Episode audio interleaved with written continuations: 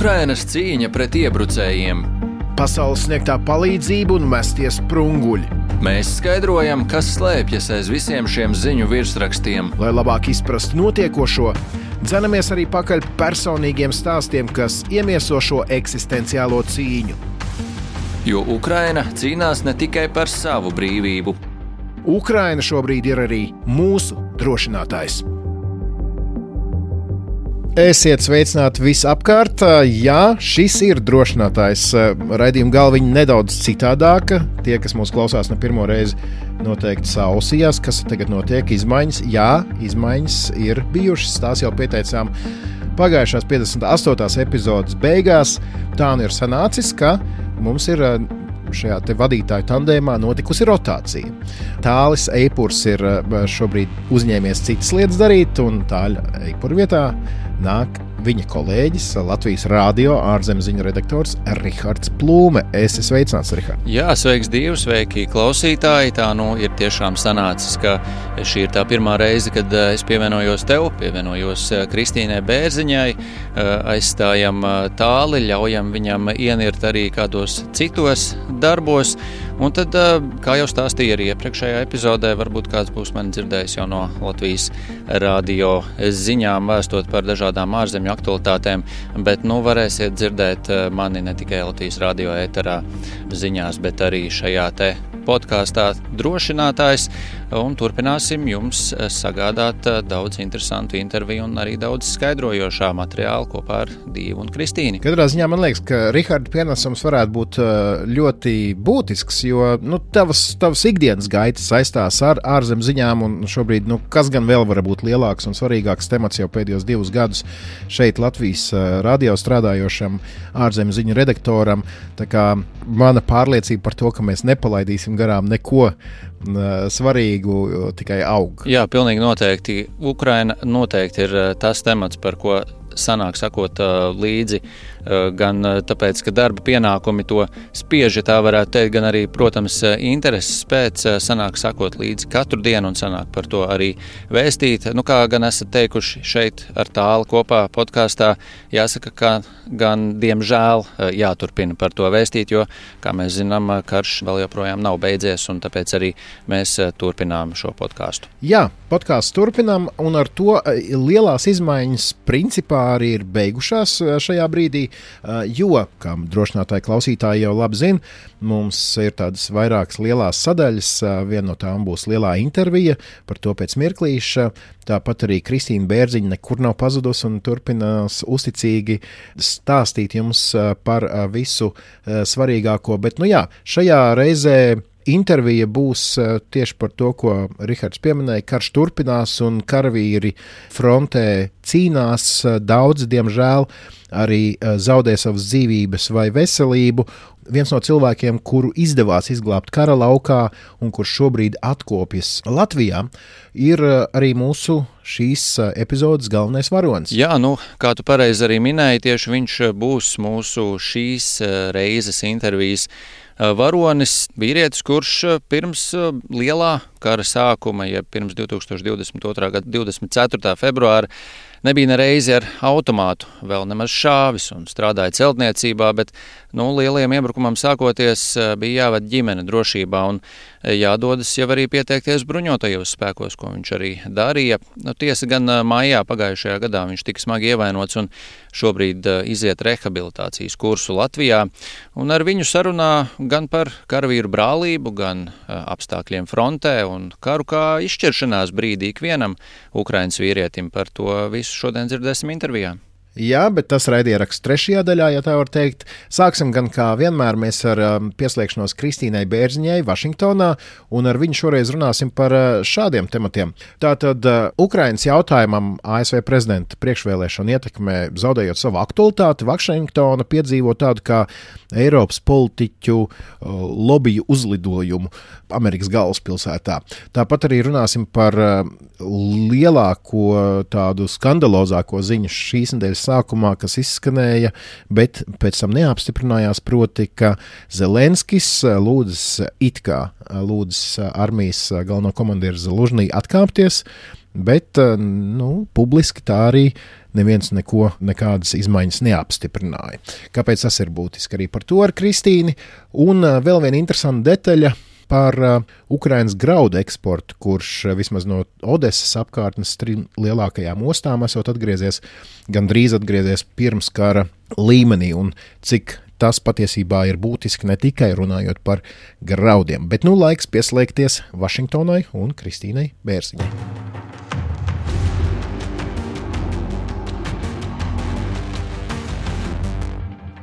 Raidieraksts drošinātājs. Sveiki, Kristīne! Sveiki, sveiki! Klau, tu vēl aizvien Vašingtonā, vai ne? Es esmu Vašingtonā, jā. Tā vismaz kaut kas nemainās. Klau, šobrīd Vašingtonā, cik es saprotu, ir burtiski vesels uzlidojums no visām pusēm, visvisādas amatpersonas no Eiropas pārsvarā, kuri uh, mēģina runāt par palīdzības sniegšanu Ukrainai. Tāpat laikā mēs zinām, ka ASV priekšvēlēšanu kontekstā uh, Ukrainas tēma iet arvien tālāk un tālāk dziļākā aizmugures plānā. Tu pati, nu patās esi atgriezusies mājās no, no dažādām sanāksmēm, pati to visu redzi, esi notikuma epicentrā. Stāsti, kas tad īsti Vašingtonā šobrīd notiek? Šobrīd Vašingtonā notiek tā, ka ļoti daudz no Eiropas, arī no Baltijas klāt e, un cenšas iegrozīt Vašingtonas politiskos kuluārus jautājumā par atbalstu Ukrainai. Šobrīd no NATO ģenerālsekretārs Stoltenbergs ir Vašingtonā un runā ar visiem iespējamiem par nepieciešamību palīdzēt Ukrainai un, un, un pieņemt arī finansēšanas paketi.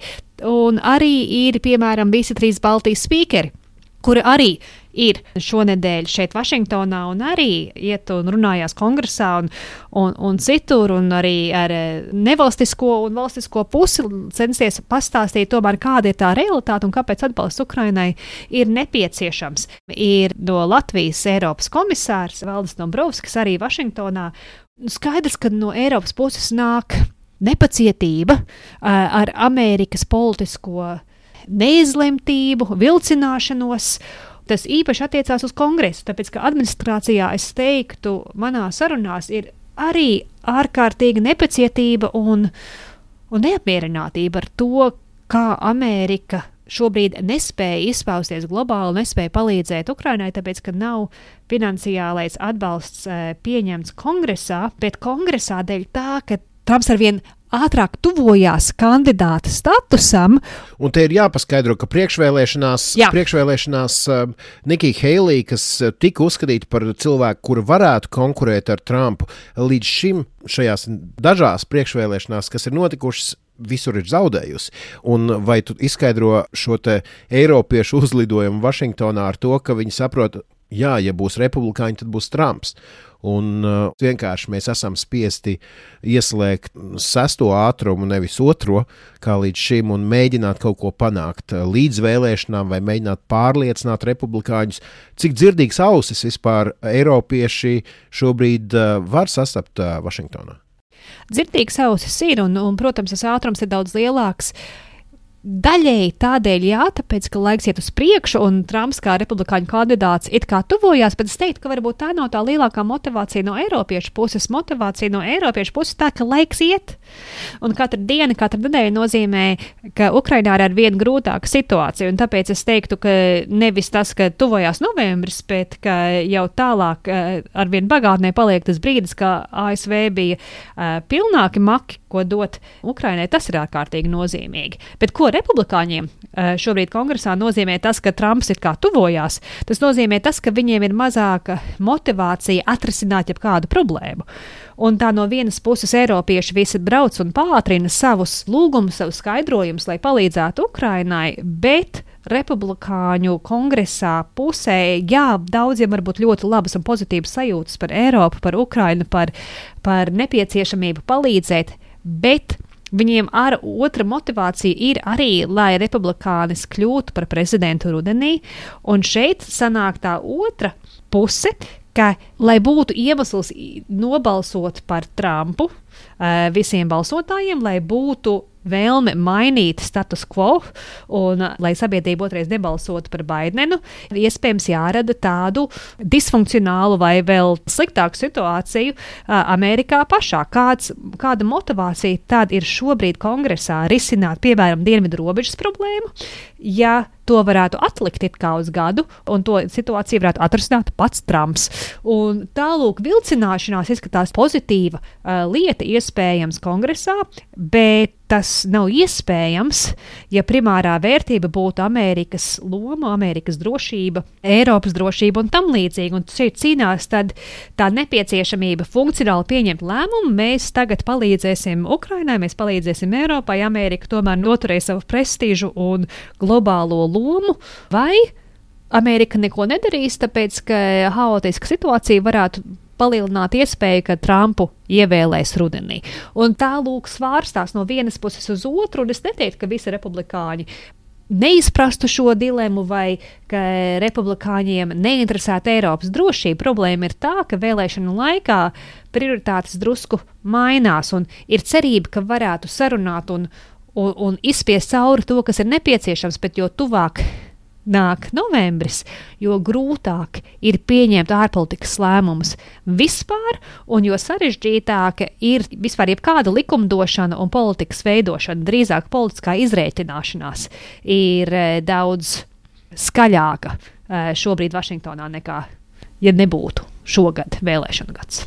Interesanti, ka Ķīles institūta Ukrainas atbalsta trakeris, viņi tā ir nosaukuši, tā, um, sekojot līdzi tam, ko kādas valstis uh, ir apsolījušas palīdzībā Ukrainai.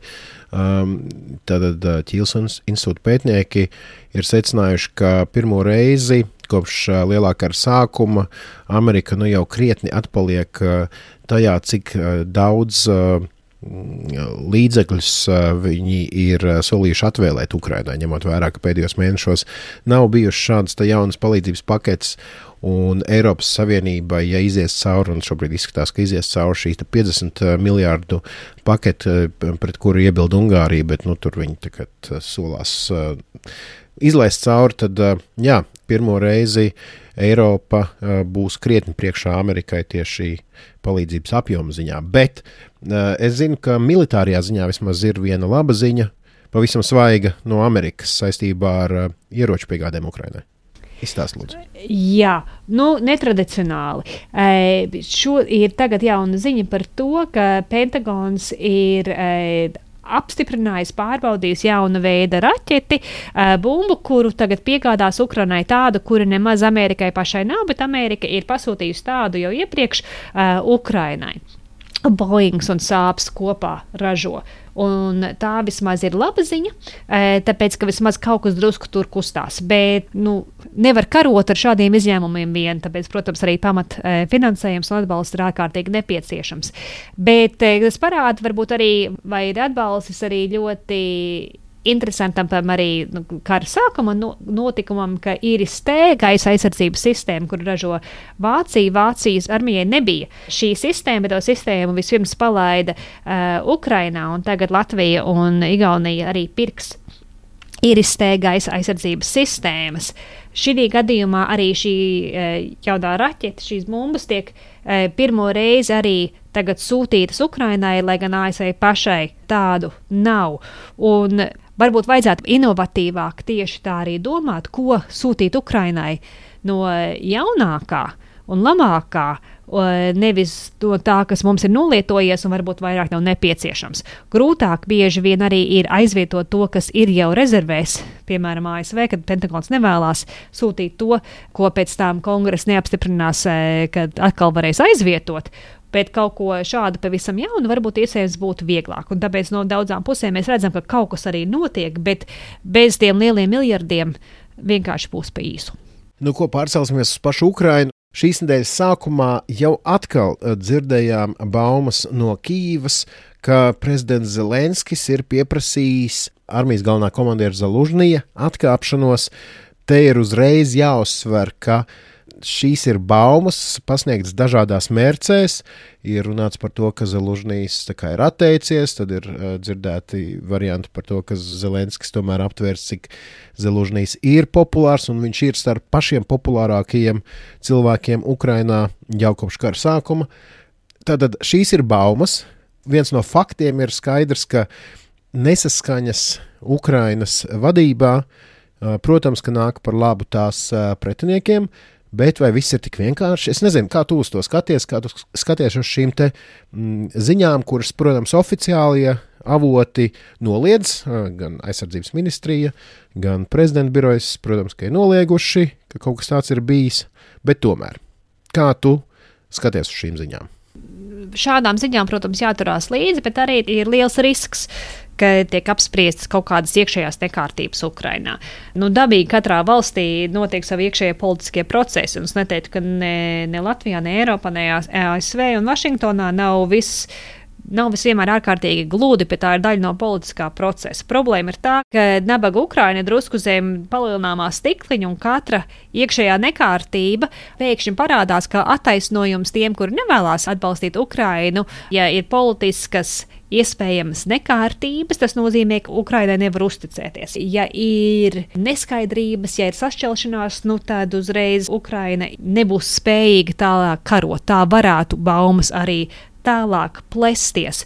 Uz Ukraiņa milzīgs spiediens noturēt tādu kopības un sakarības sajūtu arī turpmāk, un lai gan gadi jau ir gandrīz divi pagājuši kopš kara sākuma, ir milzīgs spiediens vienmēr būt ārkārtīgi atbildīgai, sakarīgai un, un, un valsts, pret kuru vispār nedrīkst vispār būt kādi pārmetumi.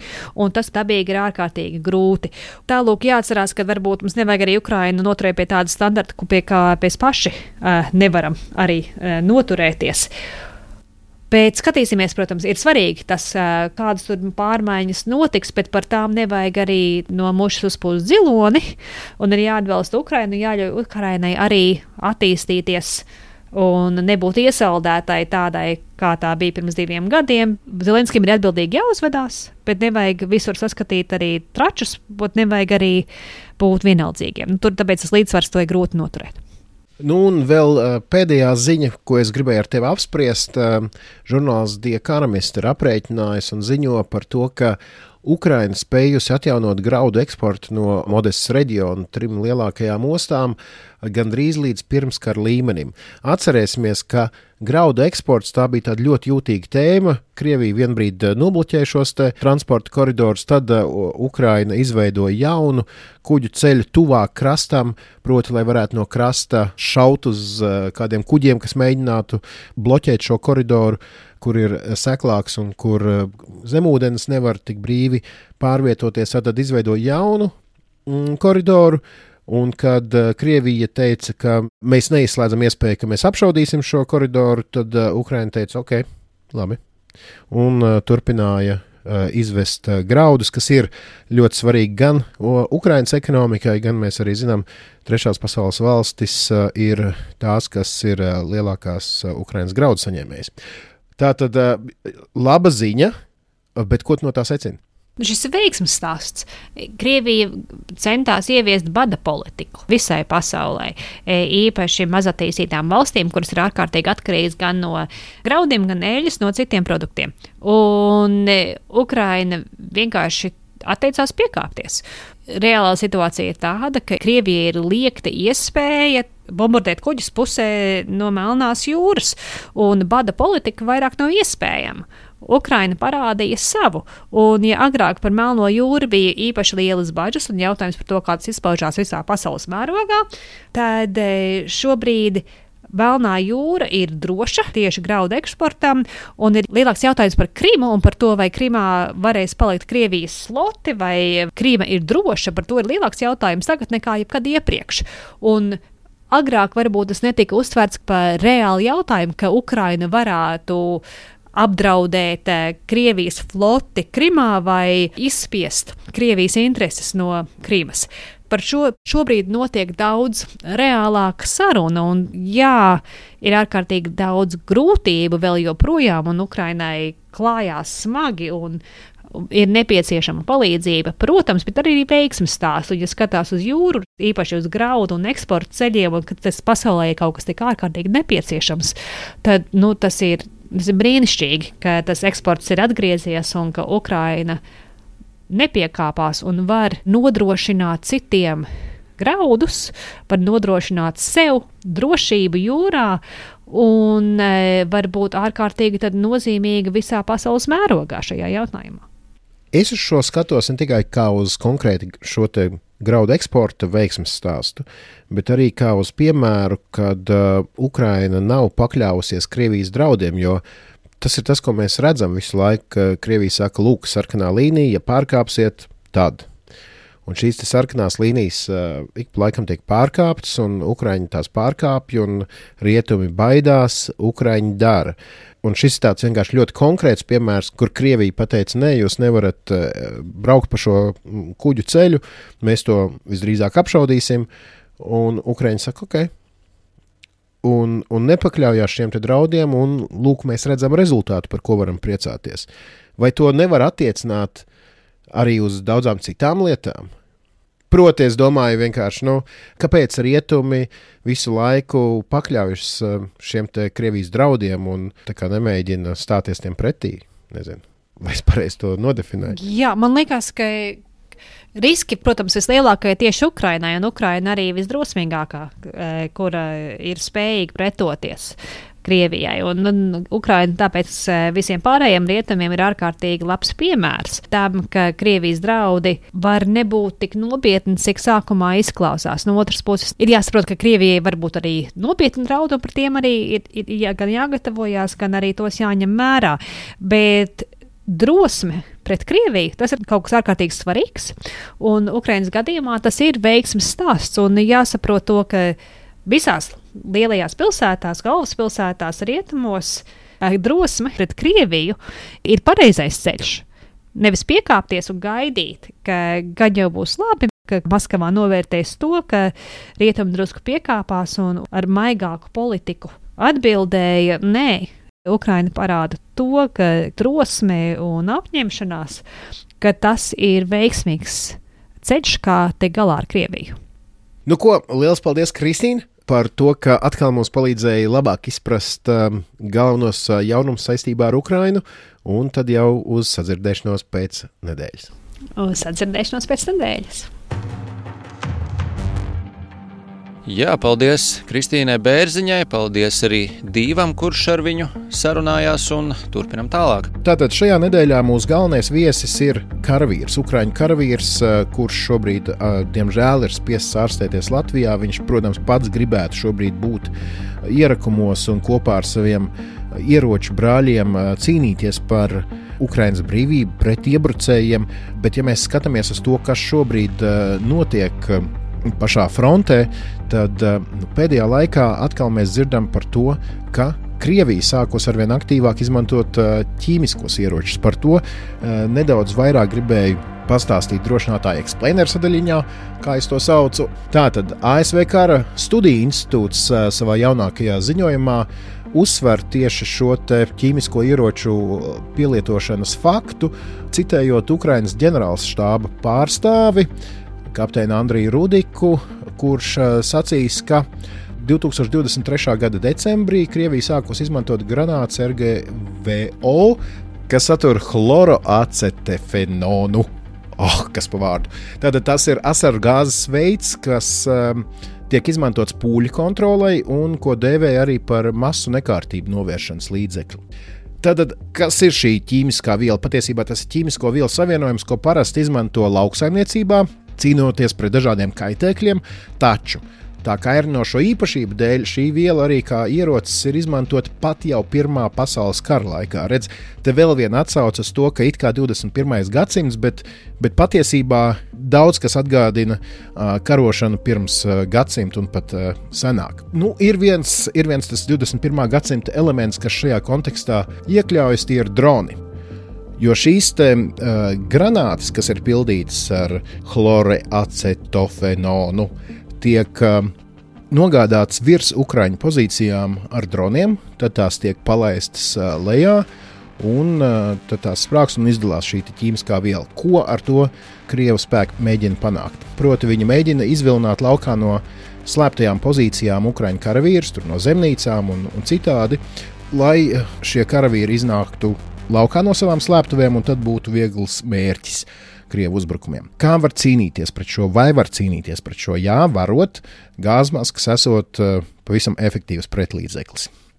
Kopumā no lielā kara sākuma, 22. gada februārī, līdz pagājušā gada decembrim, Ukraina esot fiksējusi vairāk kā 400 gadījumus, kad Krievija izmantojas munīciju, kas pildīta ar indīgām ķimikālijām. Savukārt tāds jauns vilnis šo ieroču izmantošanā fiksēts pagājušā gada decembrī, tātad pirms diviem mēnešiem.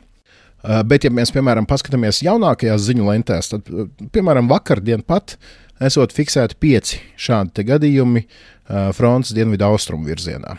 Jāpiebilst, ka Krievija ir pieņēmusi un parakstījusi ķīmisko ieroču konvenciju, kas aizliedz šādu ieroču izmantošanu karā, bet Kā redzam, tas viņus neattur. Interesanti, ka apmēram pirms gada Krievija mēģināja apgalvot, ka ķīmiskos ieročus izmantojusi arī Ukraina, taču nu, nekādi pierādījumi tā arī galdā netika likti. Tas vairāk atgādināja, atceramies, runas par zosīm ar bioloģiskiem ieročiem un, un odiem un tārpiem, un kas, kas tik vēl tur kādu brīnumu nav izskanējuši no Kremļa puses. Mēs skaidri zinām, ka šīm runām nu, reti kad var ticēt.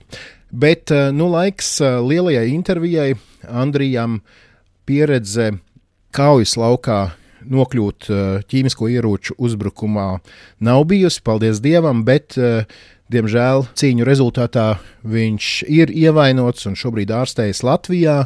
Bet, uh, Rihard, tu varētu nedaudz vairāk pastāstīt, ko mēs uh, dzirdēsim sarunā ar Andriju Kiceļuku. Jā, vairākas reizes jau šodien uh, ieskicējām, par ko tad būs uh, šodien mūsu uh, lielā saruna. Pareizi tu teici, ka šobrīd viņš šeit ārstējas pie mums Latvijā, iziet rehabilitācijas kursus, par ko viņš, uh, starp citu, protams, arī pateicās par to, ka viņam ir tāda iespēja. Jā, Andrijs vienkārši celtnieks, vīrietis spēka gados, un kā viņš norādīja intervijā, frontē arī tur ir dažādi cilvēki, tā teikt, gan vienkāršie ļaudis, gan arī intelektuāļi. Un, uh, viņš pauda arī pārsteigumu par to, cik tiešām daudz ukrāņu ir gatavi doties šobrīd aizstāvēt savu zemi un ziedot pilnīgi visu savu laiku, savu karjeru, savu ģimeni, ziedot visu un uh, arī tajā pašā laikā uh, izpalīdzēt cits citam. Nu jā, par to visu lielajā sarunā ar uh, Andriju viņu intervēs mūsu kolēģe no Latvijas Radio 4, uh, Jūlija Petrika. Uh, šajā gadījumā saruna būs Krievu valodā, tā kā, kā vienmēr. Piedāvājam jums iespēju klausīties divos dažādos veidos, vai no ordināla valodā, kā šī intervija ir ierakstīta, vai arī ar tulkojumu latviešu valodā. Ja atradāt mūs šeit, tad tepat blakus kaut kur jābūt arī linkam uz interviju oriģinālā valodā. Nu, ko, klausāmies uh, Andrijs Kiceļuks, Ukraiņu karavīrs, sarunā ar Jūliju Petriku. Raidieraksts drošinātājs. Андрей, здравствуйте. Labdien, Andrej! Здравствуйте. Как вы оказались в вооруженных силах? Kā jūs nonācāt bruņotajos spēkos? Kā jūs nokļuvāt karā? Да, когда началось полномасштабное вторжение, я был обычным... Jā, kad sākās pilna mēroga iebrukums, es biju parasts pilsonis bez militāras pieredzes. Mani neiesauca. Es nekad nebiju šāvis ar šaujamieroci. Es biju parasts celtnieks. Un, kad sākās šis mežonīgais stāsts, pirmais, ko es izdarīju, nogādāju savu ģimeni drošībā. Un tad kā jau katrs apzinīgs pilsonis, uz iesaukšanas centru un tālāk jau parastais militārais algoritms - apmācība un iesaistīšanās militārajā dienestā. Sanāk, ka jūs jau kopš pirmās dienas nonācāt frontē? Nē, nedaudz vēlāk bija nepieciešams kāds laiks, lai iekārtotu savu ģimeni, un tad jau pievienojos armijai. Tas strādā citādāk. Ir algoritms, lai karavīri nekļūtu par nu, teiksim, tieši gaļu vai vieglu mērķi. Visus apmāca, visus ekipē un apmāca taktiskajā medicīnā un kaujas taktikā.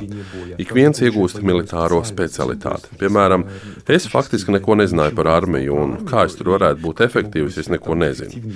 Tāpēc mēs visi saņēmām militāro specialitāti, profesiju. Mēs tikām integrēti militārajos pienākumos, un katrs saprata, kāda daļa viņam bija šajā milzīgajā militārajā mašīnā. Katram bija jājūt sevi kā svarīgu daļu, kā zobratu, kas tur noteikti segmentu, un uz viņu tiek likta cerība. Un viņš saprot, ka aiz viņa ir viņa ģimene, dzimtene, tēvzeme un tā tālāk. Tāpēc visus apmāca, visus ekipē. Un tad, kad viņi jau ir nosūtīti uz noteiktām vienībām, tad arī tur visi vēl iziet ugunskristības un koordināciju uz vietas, kopā ar komandu, ar tiem, ar kuriem viņi pastāvīgi veiks militāras aktivitātes.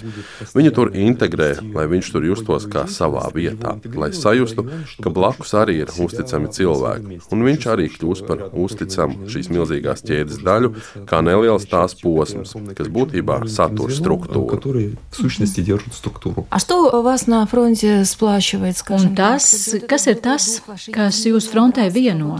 Šīs cīņas gars, jūsu vienotība, brālība, Tas ir klātesošs. Безусловно, я вот на личном примере могу сказать, мы плечо к плечу. Мы... Pilnīgi noteikti.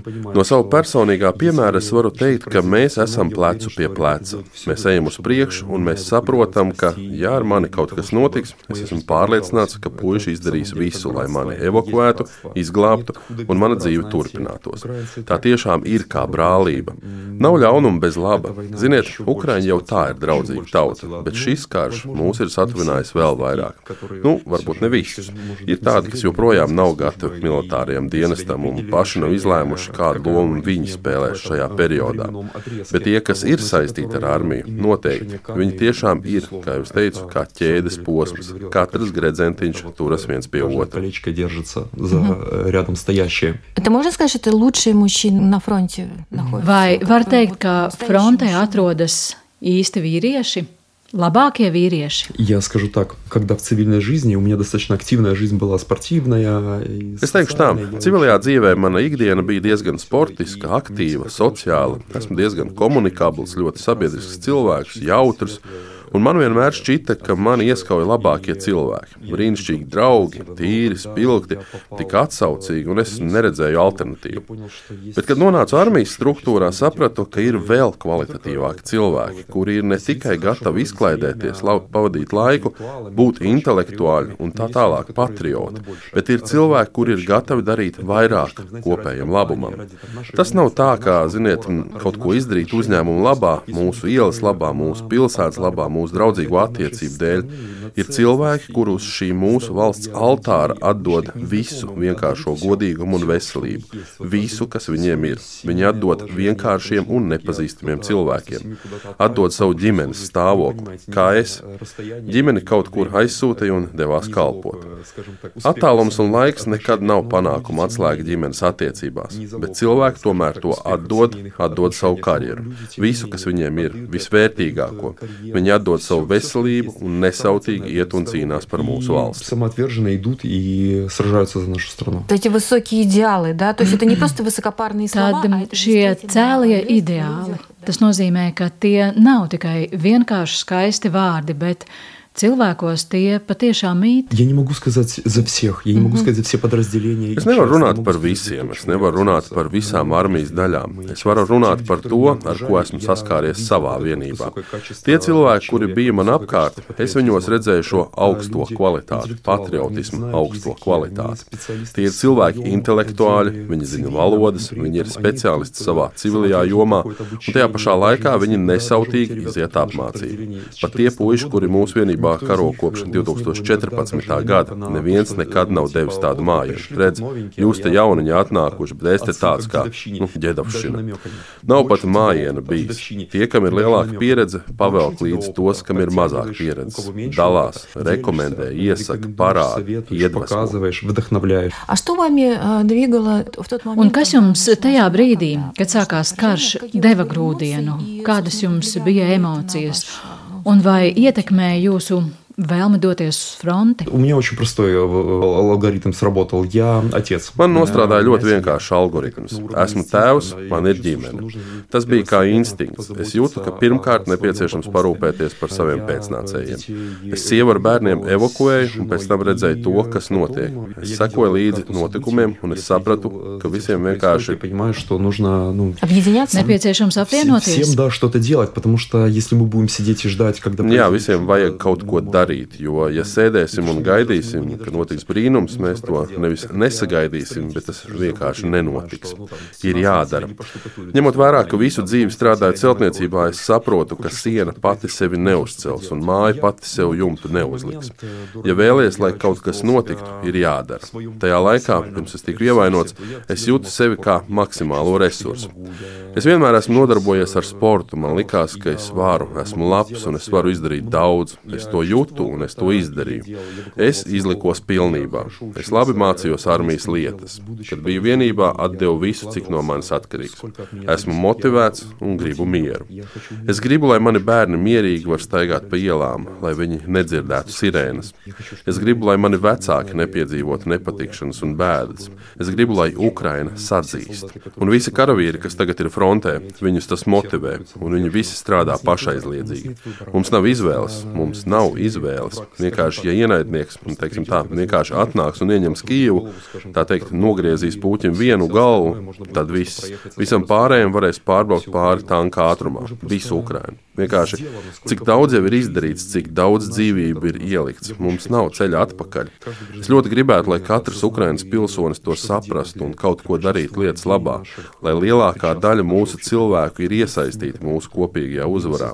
Ir daži, kas neapzinās, ka viņi var kaut ko izdarīt. Varbūt viņi netic sev, es nezinu.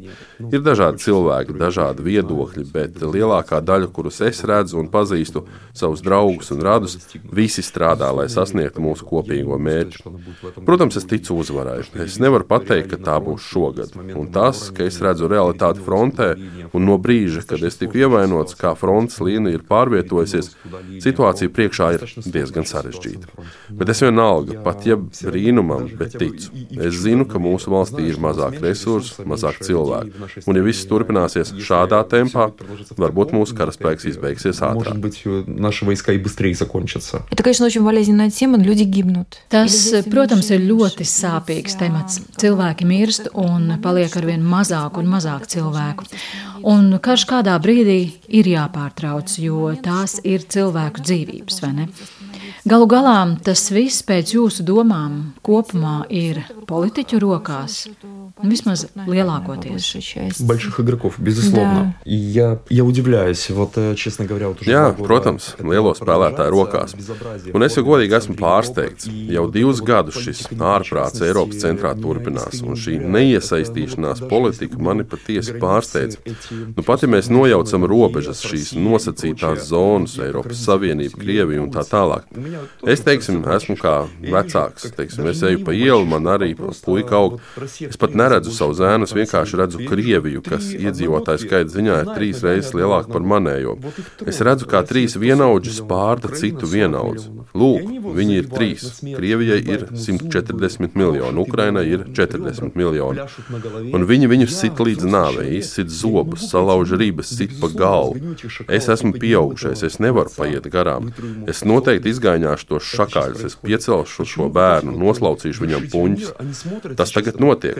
Kāpēc šie pasaules šķīrēji tiesneši? Viņi tagad skatās kā kolēģijā un saka, nu jā, nu ko lai te padara?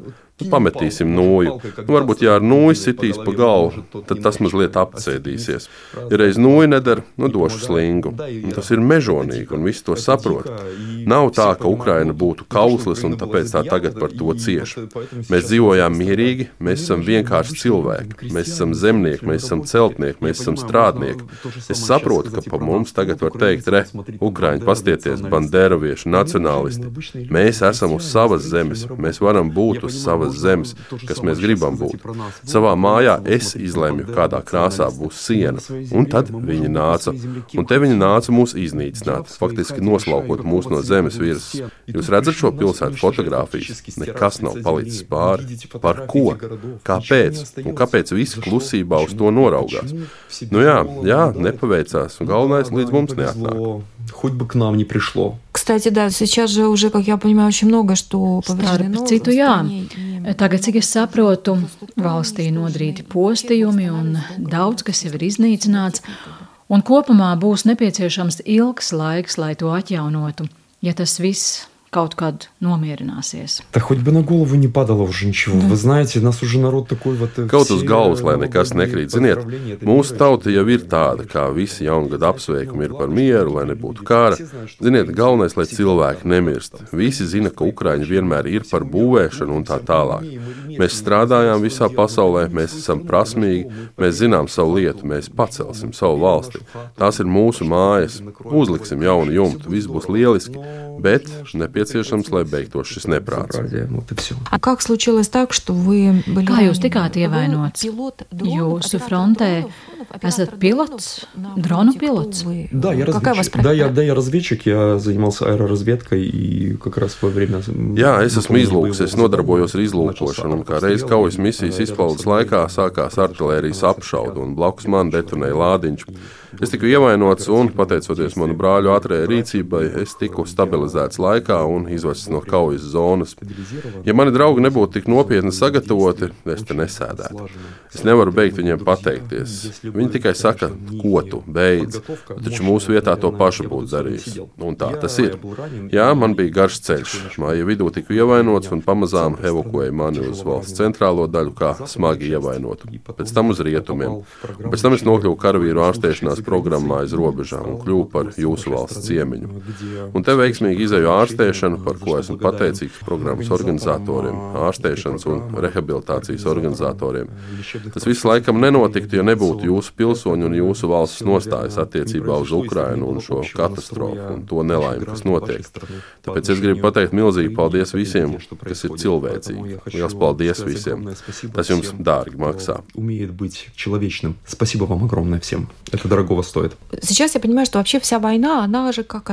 Tagad, cik es saprotu, viss, karš notiek no attāluma. Jums nav tieši kontakta ar ienaidnieku. Šobrīd lielākoties notiek šīs artilērijas kaujas. Tādu tiešu sadursmju nav. Gadās, ka jūs sastopaties apšaudēs ar ienaidnieku. Nu, это не совсем так. Точнее, ну, скажем, есть разные войска. Tādas gluži nav. Precīzāk, ir dažādi karaspēki, dažādas vienības. Tām ir atšķirīga taktika. Un, ja skatāmies, kāda ir situācija tagad, tad nav liela atkāpšanos un nav arī lielas virzības uz priekšu nevienai no pusēm. Bet tajā pašā laikā zaudējumi abās pusēs ir ļoti spēcīgi. Protams, abas puses vienmēr vēlas virzīties uz priekšu. Tātad, kā tas vispār strādā? Pirmkārt, atlido aviācija, iznīcina ienaidnieku pozīcijas, pēc tam precīzi strādā artilērija, un pēc tam ar tehnikas aizsargu iet kājnieki. Ar šādām metodēm notiek karaspēka virzība un fronts pārvietošanās. Tāpēc tas viss notiek katru dienu. Katru stundu frontē notiek šie uzbrukumi. Un katru dienu strādā aviācija un artilērija. Un katru minūti tādi puiši kā es tiek uzspridzināti gabalos. Un daži paliek dzīvi, daži nē. Sadursmes arī notiek. Vienkārši tagad runā, ka tas ir artilērijas un dronu karš. Jā, artilērija, ja skatāmies uz statistiku, artilērija nogalina visvairāk. Tas ir distances ierocis, tam ir liels attālums un trieciena rādījums. Bet bez cilvēku faktora tas nenotiek. Piemēram, artilērija nevar izsist pretinieku no dziļas blindāžas. Roku darbs tāpat notiek. Tu ierodies, aizsargā, saņem gūstā, iznīcina ienaidnieku un faktiski tā arī fronte pārvietojas. Tas notiek katru dienu, un zaudējumi katru dienu ir gan vienā, gan otrā pusē. Конечно, это огромная трагедия. Это огромная трагедия. Protams, tā ir milzīga traģēdija. Vispār viss tas, kas notiek. Jūs tagad esat rehabilitācijā. Ko jūs domājat darīt tālāk, vai plānojat atgriezties? Kādi ir jūsu plāni? Мои планы выздороветь. То, что от меня зависит, я все для этого делаю. Я самоотверженно Mani plāni ir izvesaļoties. Tas, kas no manis ir atkarīgs, to visu es daru. Es nesautīgi nodarbojos ar rehabilitologiem, daru visu, ko ārsti man saka. Esmu Ukraiņas armijas karavīrs, un es vienkārši šobrīd esmu šeit programmā. Kad mana veselība uzlabosies, es atgriezīšos vienībā, un vienība izlems, kā man tālāk iesaistīties vai neiesaistīties. Es domāju, vai doties karalaukā, vai arī es būšu aizmugurē.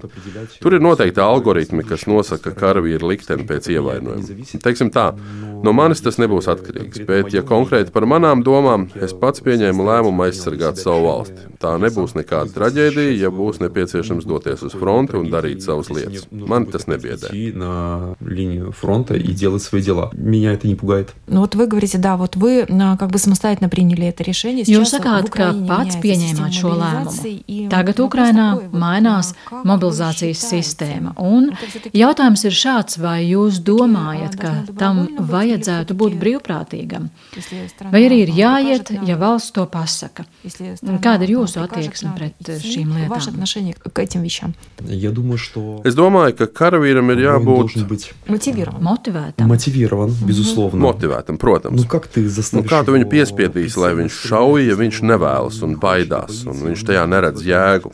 Jebkurā lietā, kā tu piespiedīsi cilvēku darīt kaut ko labi. Mēs visi cīnāmies ar demokrātiju. Mēs dzīvojam demokrātiskā valstī. Tā ir problēma. Man šķiet, ka valsts līmenī ir nepieciešams kaut kā motivēt. Ir jāceļ tautas gars, un mums ir jāatmodina apziņa cilvēkos un jāatgādina viņiem, kas viņi ir, kur viņi ir dzimuši un kas viņi ir. Un es esmu par to, ka karavīrs ir motivēts un apzinīgs, iet un darīt. Tad šī ķēde būs spēcīga. Tas, ka tagad armijā trūkst karavīru, tas ir fakts. Un es saprotu, ka kāds var teikt, ka es neesmu dzimis karam. Neviens dzimis karam. Vienkārši, ja sākumā daudz cilvēki domāja, ka mums ir izvēle un kāds tur dosies, ir profesionāli karavīri, tagad gan arī nav palikuši profesionāli karavīri. Kāds nomira, kāds tika ievainots vienu reizi, kāds tika ievainots divas reizes, tad viņš tika norakstīts, jo viņš vairs nevar veikt savas funkcijas un pienākumus. Kādam ir jāieņem viņa vieta, un kādam ir jātur aizsardzība. Tikai daudzi cilvēki nevar skaidri redzēt visu kopbildi. Tai nav alternatīvas. Ja tu tagad necelsies, neņems ieroci un neies aizstāvēt savu zemi, tad tevi paverdzinās vai vienā vai otrā veidā iznīcinās. Mēs atceramies, kas ir trimda un represijas. Arī mana ģimene 20 gadus bija Sibīrijā. Mans vectēvs, mans vecvectēvs bija zemesargs, kurš Karpata mežos cīnījās pret komunistisko režīmu un gāja bojā. Viņa ģimene arī tika nogalināta nestoties uz to, ka viņš bija miris. Lai gan saskaņā ar PSRS konstitūciju bērni nav atbildīgi par savu vecāku rīcību. Viņa ģimene un mans vectēvs tika deportēts kā jauneklis, šķiet 12 gadus vecs. Tas bija 1946. gads.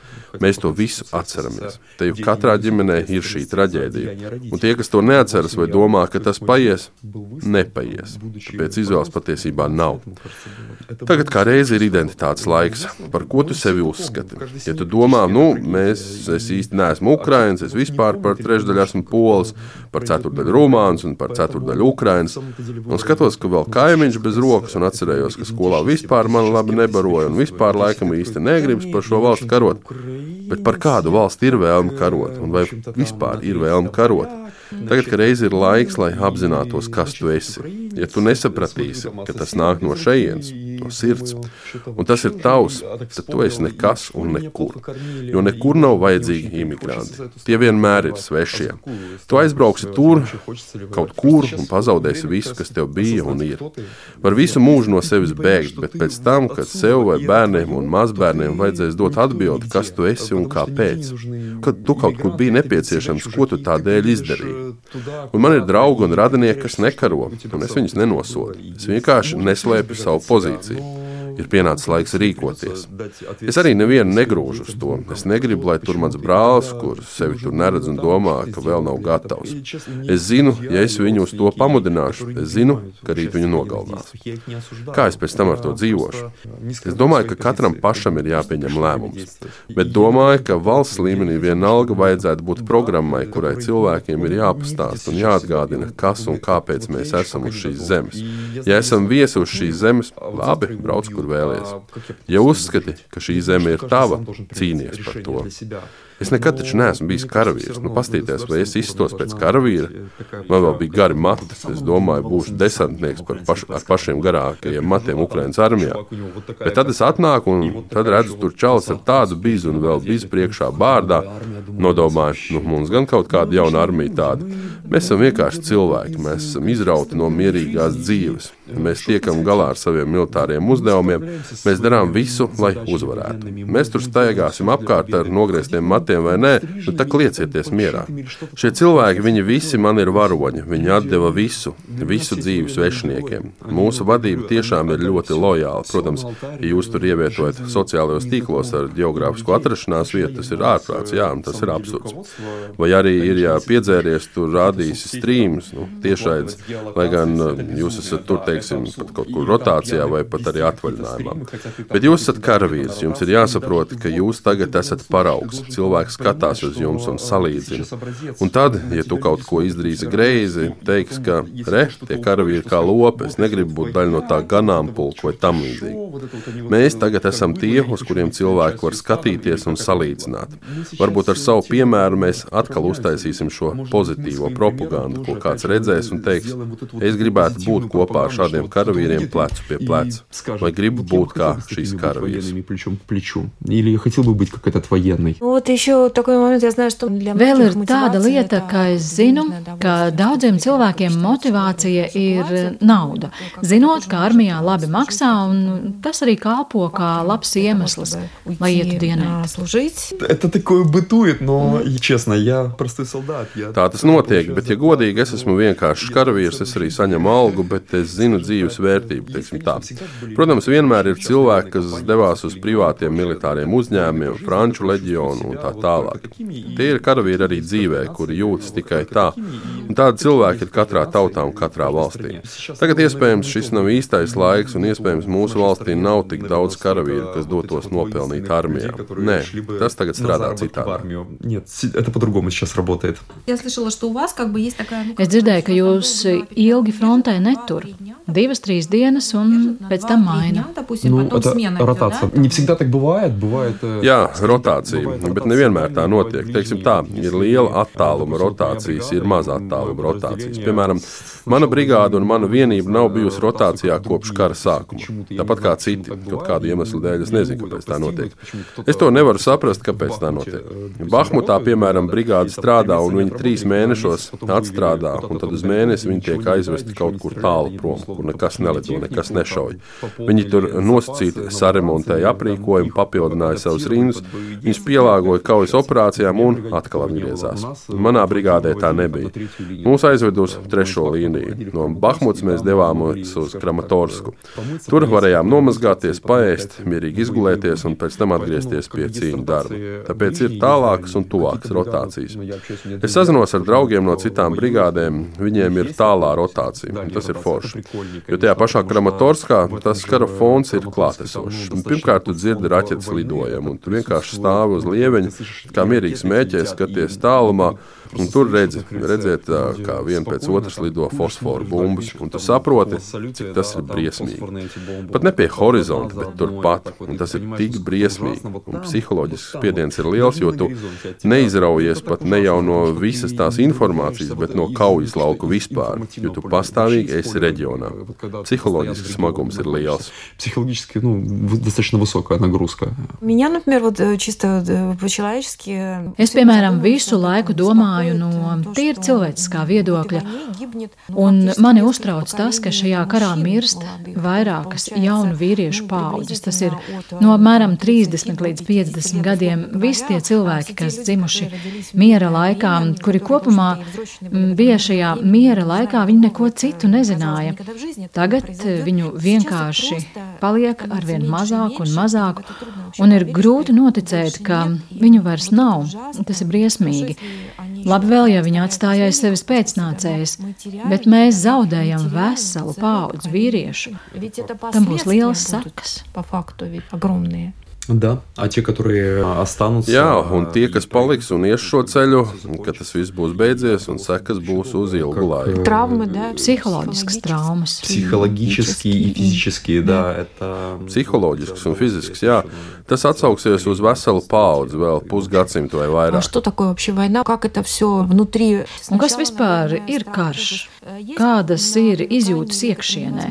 Sākumā laikam ir bailes, šausmas, vai pie tā ir Pieredums, vai arī pie tā mm, nav iespējams pierast. Kā ir būt karā? Все люди адаптивны, так или иначе. Ну, как пример, там, сколько лет Visi в cilvēki vienā vai otrā veidā ir adaptīvi. Nu, kā piemērs, cik gadus melnādainie pavadīja verdzībā un cik ilgi Eiropas kolonizatori izpildījās Āfrikas kontinentā. Cilvēki adaptējas, arī pie kara cilvēki, diemžēl, pierod. Tas, kas tev pirmajā dienā var šķist šausmas, pēc mēneša vai diviem tā ir ikdiena. Tas, ka tev lode virs galvas nosvilpo, bet tu sēdi un ēdi un zini, ka pusmetra attālumā lido lode, tas ir normāli. Tu esi drošībā. Kad lido grausi, tad gan nevisai. Tad ir jāpārtrauc ēst un jānoguļ zemāk. Jā, cilvēki pierod, un tam ir arī letāls sekas. э, Когда Потеря страха? Baiļu sajūta pazūd. слишком беспечно, да, бывает. И Pārlieka neuzmanība, jā, gadās um, sliktāk, kad tas viss pārnesas uz civilo dzīvi, kad cilvēki atgriežas sabiedrībā un var būt sekas. Karš tā ir adrenalīna pasaule, un kad cilvēki atgriežas, ja viņi sev neatrod, piemēram, kādā sporta veidā vai neatrod, kā stabilizēt sevi parastajā dzīvē, vajag būt diezgan labi koordinētam un spēcīgam darbam ar psihologiem, valdības programmām. Starp citu, tas mūsu valstī darbojas jau ilgu laiku, bet mēs nebijām gatavi šādam mērogam. Bet tagad tiek apmācīti militārie psihologi un rehabilitācijas centri programmas un tā tālāk, lai šādus cilvēkus vēlāk varētu adaptēt. Ir it kā šī adaptācija ir kaut kur tālu nākotnē, bet patiesībā tā jau ir reāla, jo jau divu gadu laikā tie, kurus armija ir norakstījusi, viņi tagad ir civilajā dzīvē. Uz viņiem tagad nav fokus, jo ir smagi ievainotie. Šie jau ir it kā stabilizēti, bet nav adaptējies sabiedrībā.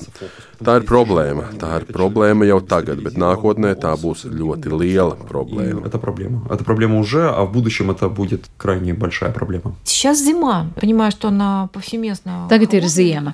Es saprotu, ka visur ir augsts, un Ukrainā arī ir augsts. Galu galā arī tranšajās nav nekā jauka. Tur nav apkuras, un man nav nejausmas, kā izdzīvot šādos apstākļos. Но в самом деле нас неплохо экипировали. Patiesībā mūs neslikti ir ekipējuši. Mēs esam labi un silti apģērbti. Помогает, да, это? Tas palīdz, jā. экипировка? Конечно, конечно. Это, это Protams, решающий protams, фактор выживания. tas ir izšķirošs izdzīvošanas faktors. Tas ir kā sava veida savvaļas turisms. Tu esi laukā, ir vējš, un ja tu vari kā alpinists vai turists, teiksim, iet un sasildīties, tad tur tu vienkārši guli nekustīgi, lai netiktu pamanīts ne no augšas, ne no sāniem, ne no jebkuras vietas. Un tu nekusties, tev ir augsti. Tu vēlies kaut kur atspiedienus taisīt, lai asins kustētos, bet nevar. Tāpēc noteikti ekipējums ziemā spēlē izšķirošu lomu izdzīvošanā, jo nevajag pat būt ievainotam. Pietiek būt apsaldētam, lai tu vairs nebūtu daļa no šīs ķēdītes. Tāpēc, jā, ekipējums varbūt nevienmēr ir saulaicīgs, bet viss ir pilnīgs. Un no personīgās pieredzes varu teikt, ka bija ļoti labs Eiropas un Amerikas piedāvājums. Un ir arī tādi mazie prieciņi, ierakums vecs. Liekas, kas tur tāds, kas vecis deg? Это кажется, ну что такое свеча горит и Но греет все-таки. Bet uh, silda это tomēr. ощ- особенно ощущается, когда Silda, jā. Un tas ir īpaši jūtams, kad ir tumša augsta naktis, šī svece nodziest, un jūs pēc divām minūtēm domājat, ka šķiet svece neko nav devusi, bet jūs saprotat, ka tā deva daudz. Un šodien tu vari atrasties pussabrukušā mājā, bet rīt citu var būt atklātā laukā. Runā, ka tur ir daudz žurku, mēs nezinām par šo faktu, bet viņas esot visur. Ну, в полях э, это их стихия. Mēs esam laukos, tā ir viņu stihija. Mēs esam viņu viesi. Tā kā, jā, И с ними вот так сосуществовать, да? Ну, это паразиты. nu, tie ir parazīti, vai mēs esam parazīti. Вы их кормите, вы их там Jūs viņus tur подкармливаете? barojat, piebarojat. Они Да, кормятся сами. сами. Знаете, бывает так, что... Viņas pašas baroja. Ziniet, gadās tā, ka no lauka nesavāc. Nu, redzēju, nu, ļoti daudz nesavākts mirušus krievus. Viņi tur guļ, neviens viņus nesavāc. Vēl es tur pašas tiek galā kā var. Там, как могут. А украинцев забираем? Bet Ukrāņus У savās? нас э, мое подразделение всегда... Manā vienībā vienmēr gan dzīvos, gan mirušos savāds. Nevienu neatstājam. Ja nav iespējams aiziet, gadās, kad kāds aizmieg tranšajās vai nav redzams. Vai tur nemaz nevar saprast, kuras puses karavīrs? Formā, nu, pa, pa, pa formi daži možnā. Mums ir dažādas formas, pēc formām var saprast. Turklāt neviens to nevienam vienalga nedos. Gadās, ka cilvēki tiek saplēsti gabalos un tiek veikti DNS testi un katrs iegūst savu karavīru un var viņu apglabāt. Jo tas ir svarīgi katram vecākam un vispār uh, kaut kāda norma Для dēļ. каждого родителя и для вообще для норм каких-то. А бывает так, что вы помогаете? Vai русским gadās tā, ka воинам? palīdzat eh, ievainotiem krieviem? Vai krievi palīdz jums? Mēs ņēmām gūstekņus, ievainotos un likām turniketus un nobintējām. Tas arī viss. Nu, viņam nav ieroča, skaties, viņam izmisums acīs. Mēs esam cilvēki. Es, protams, atkal no vecāka pozīcijas skatoties, es saprotu, tas ir kāda dēls. Viņš varbūt nomaldījusies avus. Varbūt viņiem tur neko neprasa, viņi ir mobilizēti, bet tomēr viņš ir šeit un viņš mani mēģināja nogalināt. Bet tagad viņš ir kāds, kurš vienkārši mirst un lūdz palīdzību. Es kā cilvēks, kā tēvs, es saprotu, ka tas ir kāda dēls. Tēvs, jā, sniedzam pirmo palīdzību, padzerties, puikas cigaretes iedod, iedodam paēst. Tālāk jau viņi iet pa ķēdīti, kā jau paredzēts kara gūstekņiem. Pirmkārt, tas ir apmaiņas resurss. No vienas un otras puses ir kara gūstekņi, un katra valsts tos ir ieinteresēta atgūt atpakaļ. Tāpēc maina, un tas ir svarīgi. Cilvēki tur atrodas gadiem, un karš ir tas, kas nevienam nav vajadzīgs. Un man šķiet, ka, diemžēl, krievu karavīri to saprot, kad atbrauc uz fronti. Viņi redz visas šīs šausmas, un viņam atnāk apziņa, ka ir ne tajā vietā, ne tajā laikā, bet jau par vēlu. Bet mums, Ukrāņu karavīriem, nav izvēles. Mums ir jāstāv līdz pēdējiem, jo tā ir griba vai nāve. Es saprotu, ka, ja nekarošu, pēc tam neko nevarēšu izdarīt, pretstāvēt. Jā, nu, es aiziešu viens pats pret okupantu pūli. Es ātri iešu bojā, un Ukraina nobeigsies ar mani. Tāpēc, kamēr mums ir iespēja, jā, mūs atbalsta ieroči no rietumiem, cik iespējams. Mums ir jācīnās. Kamēr mēs esam vienoti, kamēr mums ir kāds skaits, mēs varam cīnīties pretī, mēs varam virzīties uz priekšu. Es uzskatu, ka mums joprojām ir pietiekami liela iespēja to izdarīt pašiem. Kā jau es teicu sākumā, es patiesi ticu, ka mēs to varam izdarīt. Es esmu tikai karavīrs. Es nezinu, es neesmu ģenerālis. Es zinu, ka mums ir forši komandieri, viņi ir gudri, viņi ir spēcīgi, viņi mums palīdz. Un citas valstis, kas zina, kā cīnīties un ir cīnījušās jau ilgu laiku, tās var konsultēt mūsu valdību. Tāpēc tas beigsies, un tā kā patiesība ir mūsu pusē, es patiesi ceru un ticu, un es zinu, ka mēs nonāksim pie savām robežām. Tikai jautājums ir, par kādu cenu. Es negribētu, lai tā būtu pēdējā Ukraiņa cena. Diemžēl diplomātija, redziet, ir bezspēcīga. Ja par cilvēkiem, tad Krievijai ir lielāks potenciāls. Es nezinu kā, bet es zinu, ka viss būs labi. Es tam stingri ticu un par to Всё будет cīnāmies. хорошо. Э, В это свято верю, за это боремся. Ну что ж, я вам желаю удачи, чтобы Es всё у jums вас, э, vēlu veiksmi получилось. un lai jums Andrej, viss спасибо вам izdodas. большое, что пришли, Lielas что paldies, так Andrej, ka искренне tik поговорили, sirsnīgi что parunājām, ka рассказали. tik daudz man pastāstījāt. Paldies par ļoti interesanto un ļoti cilvēcisko sarunu. Очень Paldies! интересную и очень человечную беседу. Спасибо. Пожалуйста, я хочу еще раз э, поблагодарить э, вас. Lūdzu. и Всех, всех, Lūdzu, es vēlos vēlreiz pateikties jums un visiem tiem, kas nav vienaldzīgi pret vienkāršu Ukrāņu tautas parasto karavīru problēmām, kas jūt līdzi un kas mums palīdz. Lielas paldies! Tas ir ļoti, ļoti vērtīgi. Un tā ir tā siltā attieksme, ko es šeit jūtu. Es te esmu svešinieks, bet tajā laikā, cik es esmu šeit bijis, jūsu valstī, jūsu pilsētā, es jau jūtu sevi šeit. Un cik laba, cilvēcīga, humāna ir jūsu sabiedrība un cik silti ir cilvēki. Tā ir liela vērtība. Lielas paldies par visu, ko jūs darāt mūsu labā. Visiem un katram. Спасибо вам Mieru огромное за jums! все, что вы для нас делаете. Всем и каждому. Мира вам. Спасибо и вам тоже мира. и Paldies будем jums arī надеяться, mieru что un cerēsim, ka miers tomēr atnāks arī uz jūsu valsti. ваша Paldies страна. jums! Спасибо вам. Благодарю. Pateicos! Tas bija Ukrāņu karavīrs Andrijs Kiceļuks, ar kuru sarunājās kolēģe Latvijas Rādio 4 žurnāliste Jūlija Petrika. Nu, katrā ziņā daudz aktuālu tēmu, un, un paldies Jūlijai par šo tiešām personīgo stāstu tieši drošinātāja formātā. Jā, mēs redzējām patiešām lielisku ieskatu cilvēka domās, tā cilvēka domās, kas atradās un arī nu, pēc izārstēšanās kā šķiet, turpinās atrasties frontē viņa pārdomas ne tikai par to, kādi ir apstākļi tur un kāpēc cilvēkiem vajadzētu vai nevajadzētu doties aizstāvēt savu dzimteni un kādi cilvēki vispār atrodas frontē, bet arī par vispārējo situāciju valstī un to, kādas tad ir izredzes Ukrainai uzvarēt un kā viņa prāt izskatās tas viss no malas lielajiem spēlētājiem. Un, Kā tad lielie spēlētāji šo noraugās un vai pietiekami palīdz arī Ukrainai un tiem, kas atrodas frontē, izcīnīt šo uzvaru? Nu jā, un te ir arī interesants skatījums. Man, man īpaši uzrunāja stāsts par mobilizāciju, jo mēs arī drošinātā iepriekšējās epizodēs esam par to runājuši, ka Ukrainai, protams, ka to spēku nav tik daudz, kā Krievijai varbūt, tas resurss nav pareizāk, tās rezerves nav tik lielas. Bet karš prasa savu. Diemžēl cilvēki mirst, eh, cilvēki tiek ievainoti un ir vajadzīgi jauni cilvēki. Kā papildināt pašķidrinātās karavīru rindas, tas ir ļoti aktuāls jautājums, ar ko jātiek galā Ukrainai pašai. Un, protams, ka tie veidi ir dažādi. Krievijā mēs esam redzējuši daudz uh, materiālu, kā tiek uh, uz ielām izķerti cilvēki krietni, krietni mazāk tādi skati ir redzēti arī Ukrajinā, bet, protams, kā arī Andrijs teica, ka um, nu, vislabāk tu jūties, ja tev plec pie pleca ir cilvēks, kurš tiešām grib tur būt un zina, par ko viņš cīnās. Katrā ziņā, uh, ja jums šī saruna šķiet uh, svarīga, tāda, kuru būtu jādzird uh, vairāk klausītājiem. Padalieties ar to sociālajos tīklos, aizsūtiet linkā saviem radiem draugiem, paziņām, kolēģiem un jebkuram citam. Savukārt, eh, ja jums ir eh, kā mūsu svarīgākajai sastāvdaļai šajā podkāstā, jums, mūsu klausītājiem, ir darba uzdevums Rihardam Plūmēm ar idejām par to, kādi cilvēki būtu intervējami tālāk.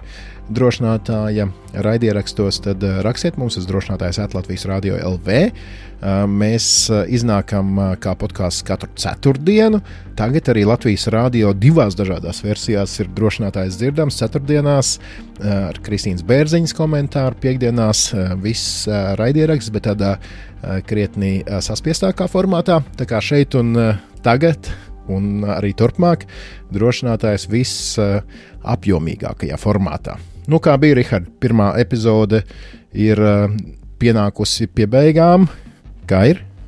Jā, balss neaizkrita, viss bija kārtībā. Esam godam, es domāju, novadījuši šo eh, pirmo eh, epizodi. Noteikti sagaidīsim epizodi, kad arī eh, es piedāvāšu jums kādu visai noteikti interesantu interviju. Bet jā, gaidām noteikti arī jūsu ierosinājumus, jūsu domas un pārdomas.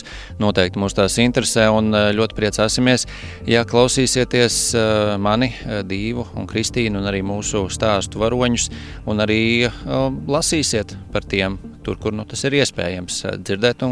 Izlasīt mūs var tiešām daudz kur. Tieši tā, Andrija Kiciļuka intervija lasāmā formātā, arī ar papildus fotografijām.